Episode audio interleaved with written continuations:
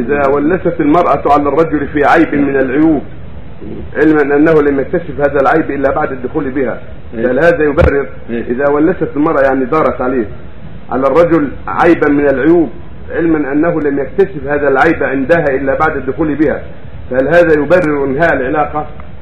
هذا هذا بينه وبينها. إن شاء انهى العلاقة وإن شاء اتصل بالمحكمة والمحكمة تنظر الأمر هذا بينه وبين المرأة إذا اتصل عرف عيبا فليس كل عيب يوجب الفسخ وليس كل عيب يقتضي الترافع إلى المحكمة. بل هذا بين الزوج والزوجة إن رأى عيبا يمكن الصبر عليه صبر وإن رأى عيبا يعني يوجب الفسخ. سأل أهل العلم وسأل المحكمة وعرض عليها الأمر وإلا أحسن وطلق من غير شيء وإلا اتفق معهم على شيء يرضونه به وطلق. هذه أمور داخليه بين الرجل وأهل المرأة والمرأة.